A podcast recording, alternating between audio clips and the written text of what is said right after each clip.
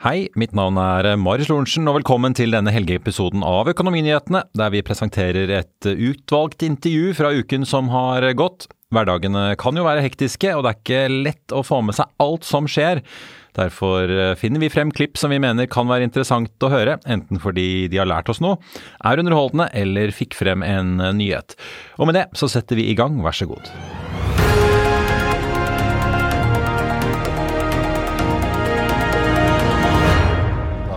Si velkommen til dagens andre gjest. Johan Strøm, analysesjef i Carnegie. God morgen. Takk for at du er med oss. Tusen takk. Vi, vi, har masse å snakke om, men kanskje vi skal begynne litt med Crayon, som kom med tall i uh, dag. Karl Johan og jeg har snakket om dette konsulentselskapet til Jens Rugseth, som har slitt med litt uh, hva skal vi si, utfordringer i balansen med noen kundefordringer og litt av hvert som har uh, gjort ganske store utslag.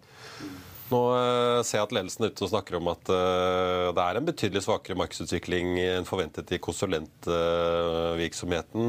Sikringen har gått på aksjen, så vi får se hvordan den starter. Men de skuffer jo med et langt svakere driftsresultat enn ventet, da, i hvert fall i dag. Ja, nei, det, er et, det er veldig polarisert syn rundt selskapet og aksjene. så det, det, blir veldig spennende å se hvordan den kommer å handle på det. Men jeg tenker utgangspunktet er at en ekstremt short aksje. Det er veldig mange som har en negativ syn på den. og det har jo vært Egentlig alt fokus har ikke vært rundt drift på Crayon, men heller kanskje rundt uh, arbeidskapital og den her uh, kravet som de har i Filippinene. og Så vidt jeg kunne se litt sånn i det, det små på en av slides der på, på presentasjonen, så er vel har vel Microsoft steppa inn og tatt over det her.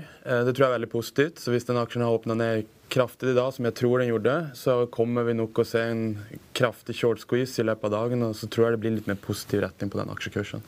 Ja. Vi er ganske positive til aksjen. Tror, tror dette kommer å løse seg. Og så syns jeg er sentimentet veldig krevende rundt det. Altså, Forventningsbildet seg lavt. Så det blir, det blir, interessant å se hvis det er en matching hold på det nå.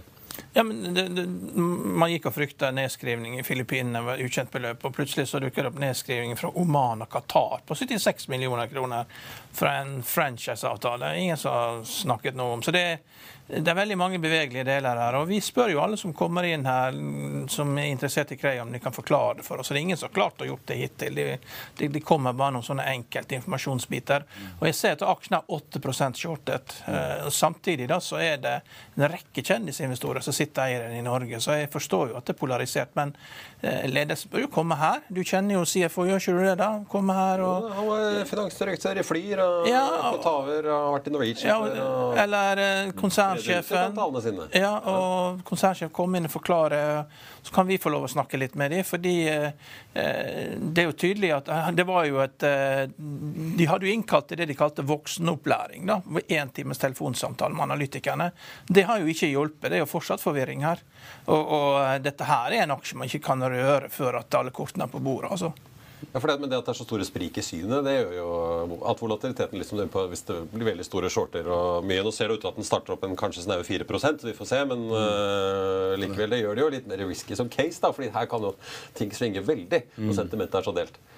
Ja, men det, det, det, jeg syns det er en aksje som nesten den, den karakteriserer det markedet vi har nå. Det er veldig tynn likviditet generelt i markedet. Det skaper igjen store utslag på noe som ten, har en tendens til ikke å være så veldig store driver for en aksje. F.eks. et 40-50 millioners krav på en balanse som er enorm, som, som Crayon da har. da. Eh, med tynne marginer. Og får de store utslag. Eh, de store utslagene skaper volatilitet, som igjen trekker penger og risikokapital ut av den type av aksjer. Som skaper en liksom, negativ spiral rundt hele selskapet og skaper disse polariserte effektene. som som, som, for oss egentlig er veldig vanskelig å fange opp og lese. sånn at uh, Det blir mye noise, ofte kanskje litt mer storm i et glass ja. enn en, uh, eh, noe som drever de underliggende verdiene. Men jeg syns det høres ut som en, en, god invitasjon til å be selskapet komme inn. De, de skulle jo kommet med profit warning. Hvorfor gjorde de ikke det? da? Det er jo stor, stor nedskrivning, dette her. Det er jo også noe annet der. og Hvor skal du komme liksom og tape 123 millioner kroner? Liksom? Det kommer jo rett ut av det blå. Mm.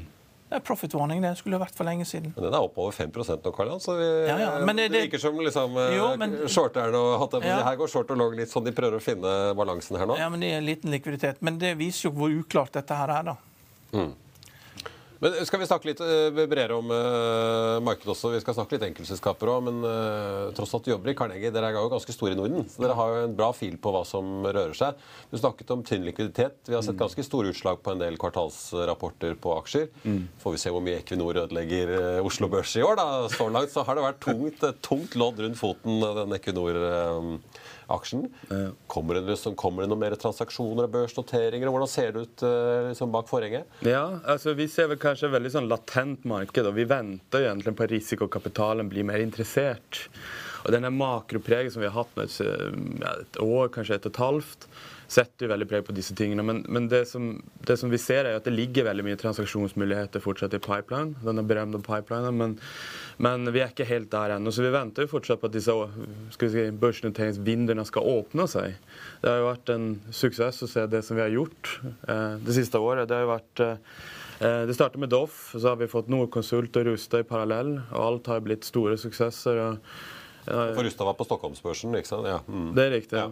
Og det, det, Flere av disse aksjene blir på en måte også en litt sånn det blir folkekjære, større aksjer for veldig mange. Da. Masse aksjer, og det er veldig gøy. Vi har jo mista en del av de aksjene i Norge, og vi kanskje kan miste et par til. Så det er veldig gøy å få en inflow av disse selskapene i tillegg. Da. Så Det som er litt spennende, er at forventningsbildet i børsnotering da vil være veldig lav.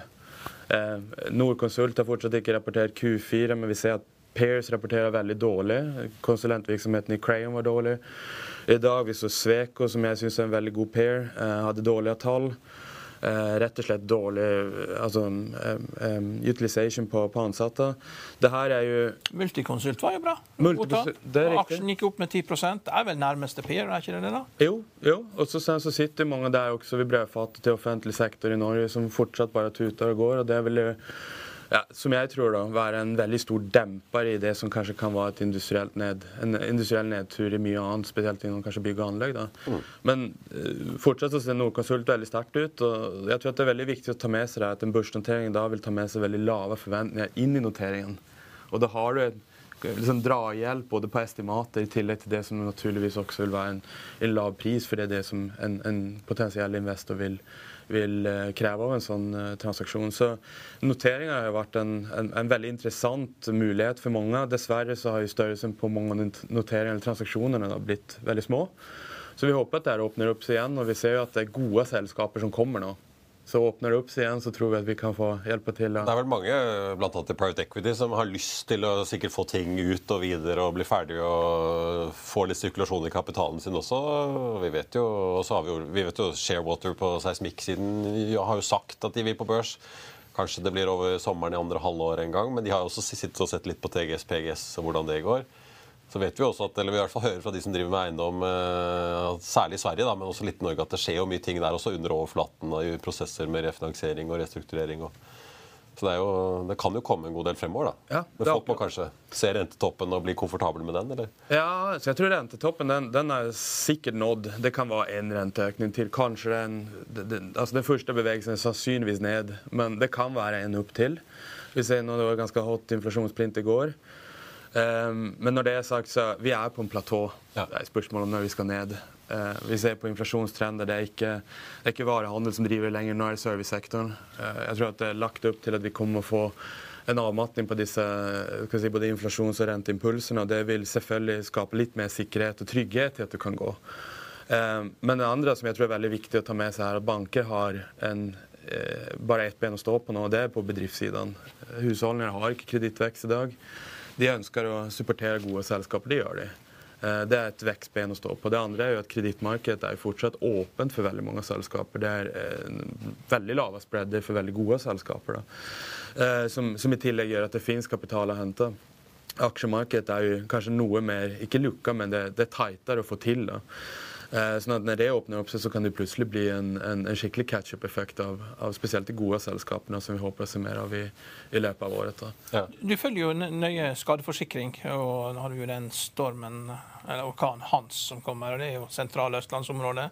Masse dyre eiendommer. Hva er det som skjer på prising av skadeforsikring? Eh, alle sier det går opp, men det ser ikke ut til at det går opp nok. da, Gjensidig sliter med å få tilbake den lønnsomheten man hadde før eh, all den uroen kom. Ja, og Storebrannssjefen ville jo Ja. ha prisen opp 10 sa han eh, i 2024. Ja.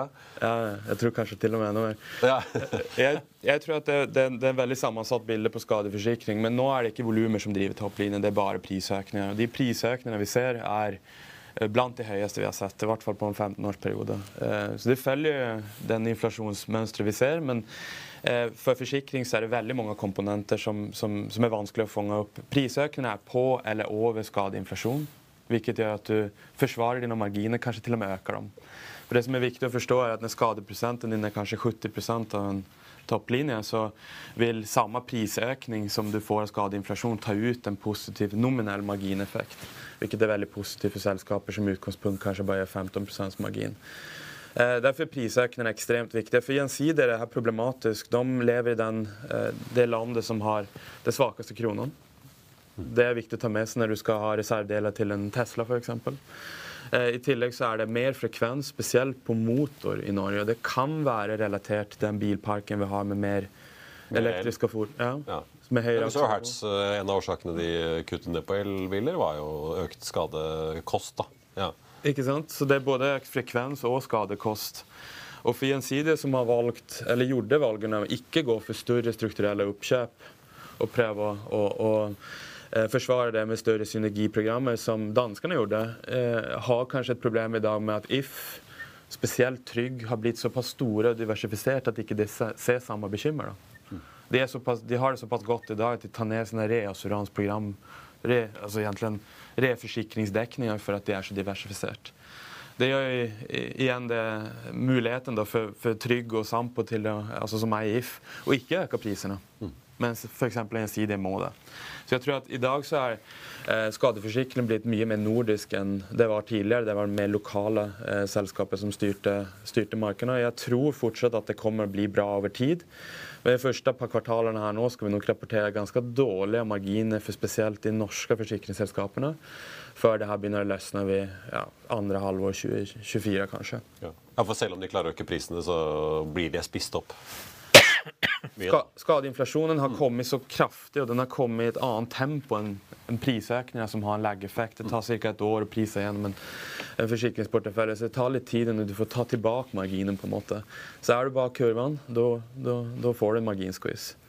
Men samtidig så tjener de godt på investeringsresultat nå. Eh, Det er lavmultiplesbutikk. Så det er ikke det vi skal betale P15-20 for en forsikringskonsern som Gjensidige. Nei. Eh, og, det, og det ser jo ikke helt bra ut nå. Nå har jo Gjensidig rapportert en veldig dårlig Q4, samtidig som både Sampo og Trygg hadde faktisk ganske gode resultater. Så jeg skulle heller sagt at de store, diversifiserte selskapene er noe man kan preferere, og det ser, ser unektelig veldig bra ut i de defensive aksjene. Sampo, Trygg, kanskje til og med Lilla Protector. Men Du dekker jo eh, mye bank også. Eh, Vi kan gå via Storebrand, som jo er Jan Petter Schissners store favoritt. Eh, Vi snakket jo sammen en gang du var på kapitalmarkedsdagen der i gården i Storebrand. De har jo selvfølgelig sin store pensjonsforvaltning, forsikring åpenbart, men de vokser jo mye, sier de selv, i bank og sånn. Hvordan ser så Storebrand og for så vidt også bank ut da, når vi nå går inn i en periode hvor det er bare spørsmål om når rentene skal begynne å gå nedover, kanskje? Altså, Storebrand var et veldig volatilt sett. Man kan nesten hoppe inn på litt sånn M&A-muligheter. Gjensidig eide 20% av Storebrand for ja, snart ti år siden. Solgte for kapitaltungt, ikke veldig lønnsomt, lavmultippelselskap som de ikke trengte å eie. De hadde såpass gode vekstorganer, eller kanskje med mindre boltons. Men i dag holder Storebrand på å bli noe som er mer likt det Gjensidige var ved børsnoteringen i 2010. Begyn- Begynt å bli mye mer kapitalet. Mesteparten av inntjeningen kommer fra kapitalet av høy vekst, høy multiples inntektslinjer, sånn som f.eks. Eh, tjenestepensjon i Norge og Sverige. Eh, så tømmer de balansen sin fra equity. Og det har de gjort gjennom at de har bygget opp reserver under ganske lang tid. Det vil fortsette gjennom 2024, men sen kan de begynne å temme det her i ganske høy hastighet. Så jeg tror at EPS og, og dividende det vil være samme tall for, for, for Storebrand i årene som kommer. Lønnsomheten stiger i, i takt med at inntjeningen har en tosifret topplinjevekst. Kostnadene ligger ganske stabilt, og balansen faktisk synker. da. Så her går det fra 8 til 10 til 12 har vi landet på. Nå begynner vi nærme oss 14 lønnsomhet, eller ROE.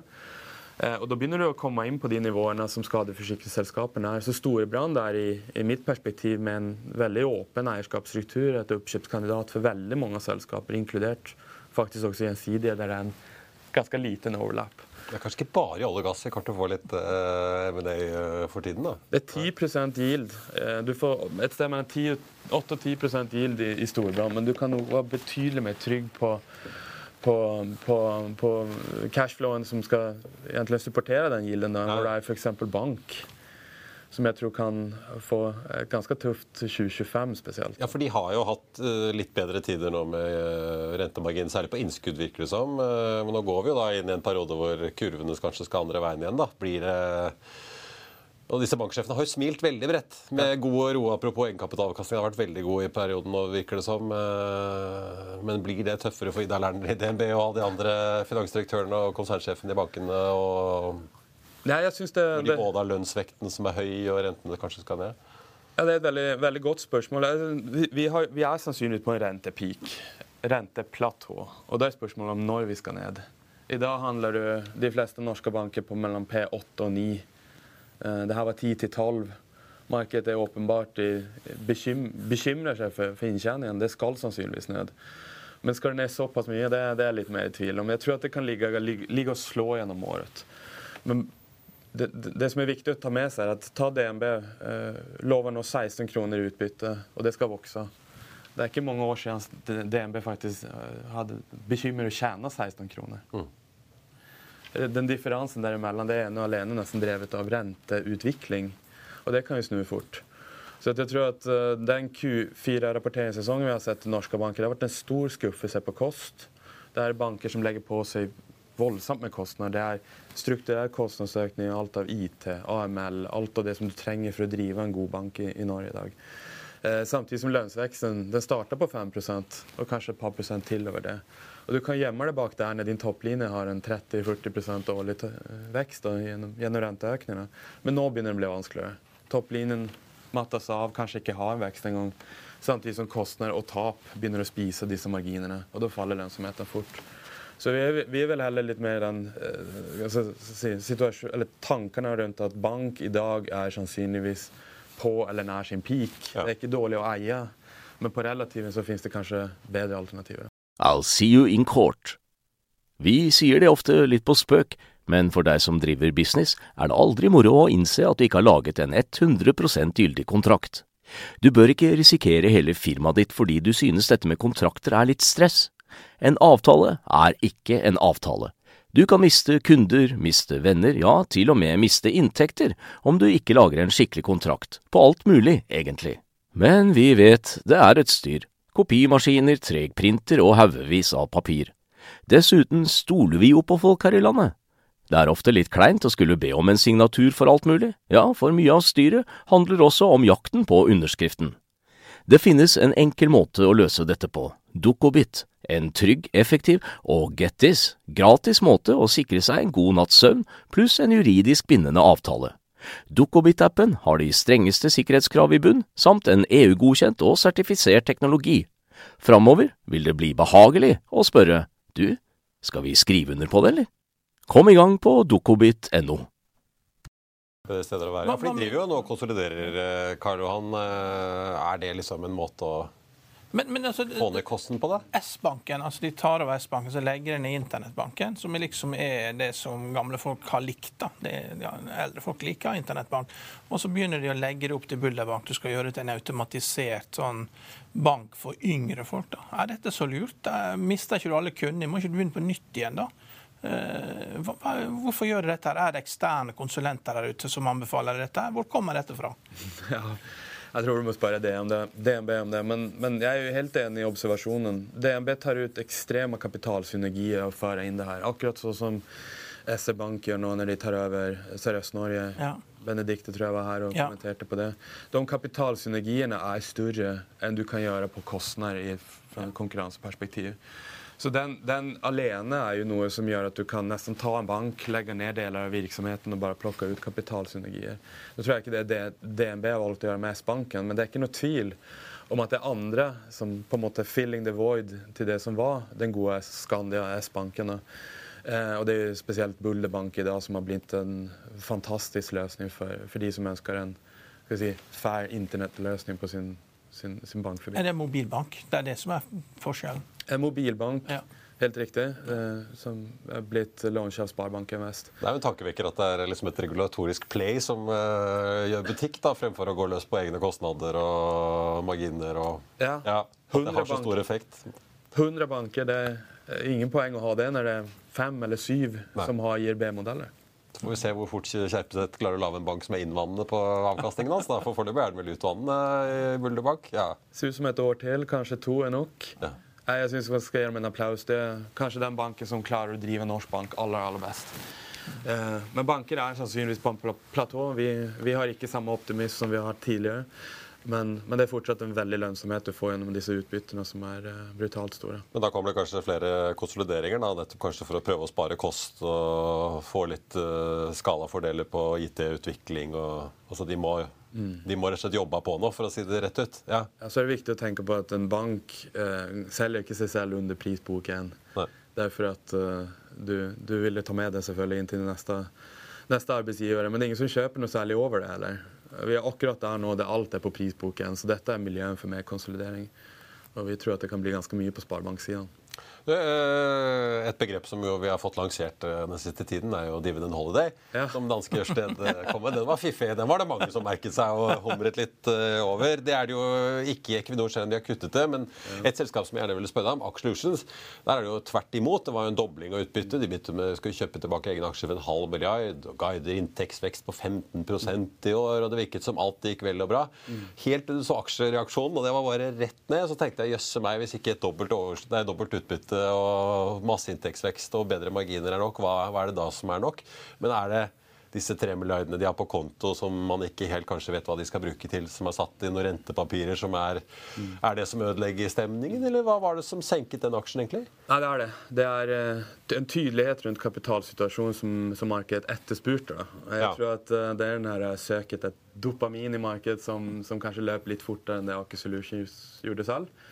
Eh, For dem som husker Aker Solutions i finanskrisen, så var det et selskap med kanskje en litt, mer anstrengt balanse. Jeg tror at selskapet ønsker å holde en veldig konservativ balanse. I år har de i tillegg en arbeidskapitalprofil som ser veldig negativ ut. Eh, De trenger ikke så mye cash som de har, men de har jo ikke helt ennå fått tak i den likviditeten som kommer av, av nedsalget i, i subsea-virksomheten. Sånn at eh, jeg tror vi må vente litt mer innan vi får klarhet i, i hva de skal finne på. I mellomtiden så viser det jo opp markedet hva som sannsynligvis er en av de bedre investeringene i oljeservice, og det ser ut til å være deres egen aksjer gjennom tilbakekjøp. Da. Men er markedet veldig sånn påpasselig med disse alt innenfor olje at de må bruke hvis du, Litt hvis du ser hva som skjedde med Equinor. da. De ble veldig hardt straffet for å kutte utbytte og snakke om fornybarinvesteringer på liksom, med en realavkastning på 4-8 fremfor bare kaste alt i olje og gass som gir mye større avkastning. Aker Solutions faller etter at de har litt for mye penger på konto. Blir liksom disse selskapene straffet veldig med en gang de avviker liksom fra den der rene profittjaget og, Ja, det, og ha en linest mulig balanse underveis? liksom? Det er så stort eh, alternativkost å ikke være investert i noe som er lønnsomt. Eh, ta et steg tilbake så kan du tenke at det svenske markedet i dag så tror jeg 70% av, av inntjeningen på den svenske børsen har et forventet fall 24 og 23.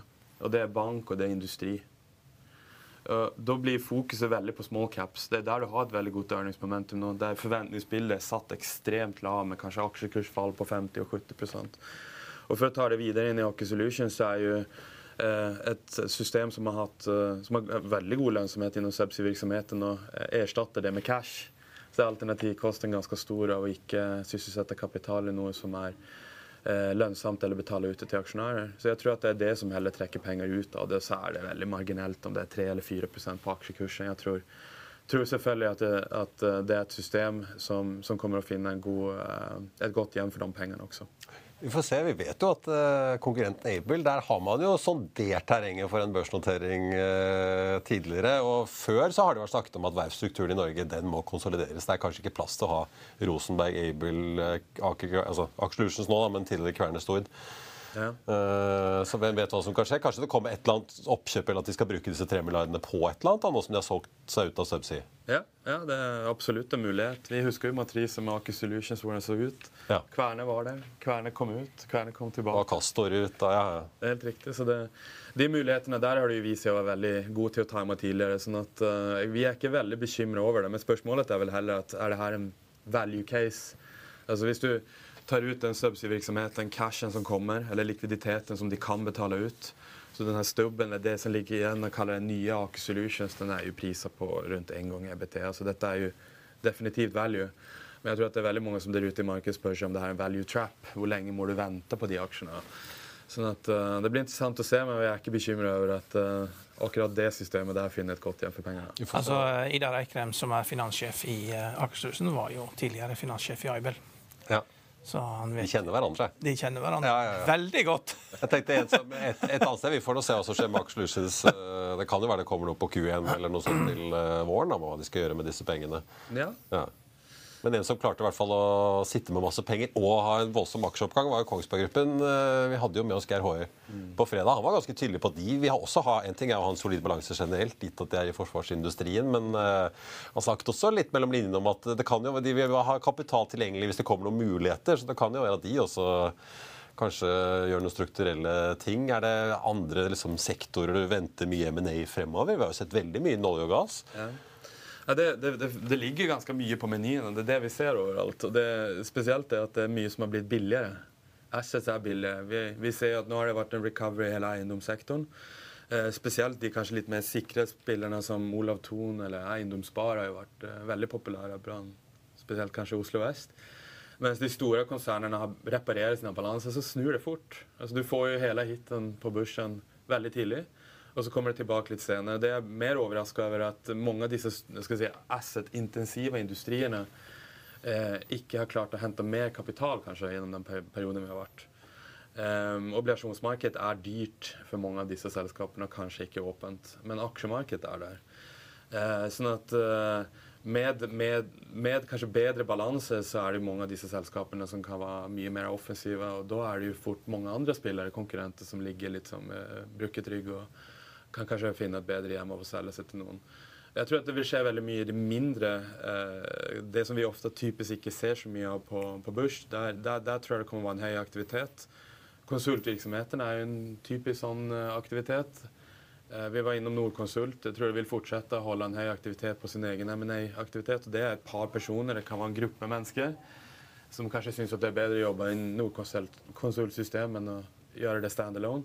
Denne typen av mindre konsolideringsbølger tror jeg kommer å være veldig vanlig nå som vi går inn i kanskje litt tøffere tider med fortsatt høye renter. Ja, men du har jo, Sveko var jo ute med kontaktannonse i avisen sa det at de skal ansette masse flere folk. De må jo sette press på kostnadene både hos Norconsult og Multiconsult hvis det er det som gjelder. Og da må jo, Det er krevende å styre sånne selskaper hvis du har enkelte segmenter der det går veldig dårlig, og andre som går veldig godt. og det er jo uh, sprikende staur. Det er ikke lett å styre. så man må jo være forberedt på kostnadsøkninger da, for lønningene. Samme som man har hatt IT med Tieto og Tieto og Enator som kommer og sier at ja, nå skal vi ha 18 høyere lønninger der. Og, ja, så det er, det er, det er sånn økning Det er et sånn kraftig press da, på uh, økte lønninger hos spesialister. da, Jeg synes du ser det.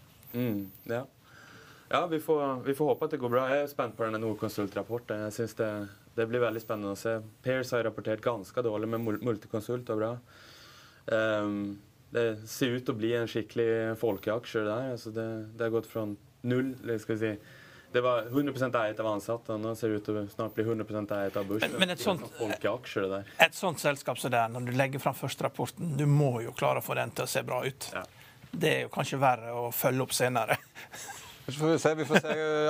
Vi har snakket en del om ARM. Det gikk jo ikke så bra i starten. og Nå har det gått som en kule og ned igjen i går. altså Det svinger eh, Ja, men de har teppebankere som driver og kjører og kjøper opsjoner og presser kursen opp med gammel skviss, som jeg skrev om i dagens avis. Det er eh, Fikk vi en liten teaser for dagens avis Ja. også. Johan Strøm, analysesjef i Carnegie. Tusen takk for at du var eh, med oss. Det blir et eh, spennende børsår i år òg.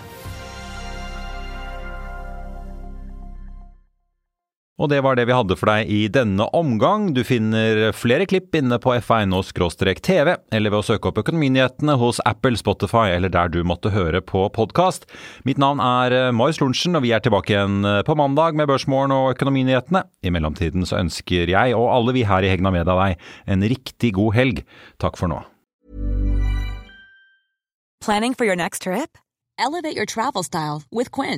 Quince has all the jet setting essentials you'll want for your next getaway, like European linen, premium luggage options, buttery soft Italian leather bags, and so much more. And is all priced at 50 to 80% less than similar brands. Plus, Quince only works with factories that use safe and ethical manufacturing practices. Pack your bags with high-quality essentials you'll be wearing for vacations to come with Quince. Go to quince.com slash pack for free shipping and 365-day returns.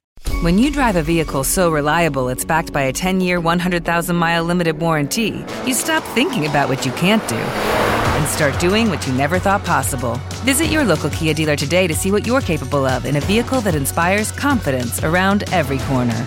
Kia, movement that inspires. Call 800 333 4KIA for details. Always drive safely. Limited inventory available. Warranties include 10 year 100,000 mile powertrain and 5 year 60,000 mile basic. Warranties are limited. See retailer for details. Life's better with American Family Insurance because our home policies help protect your dreams and come with peace of mind.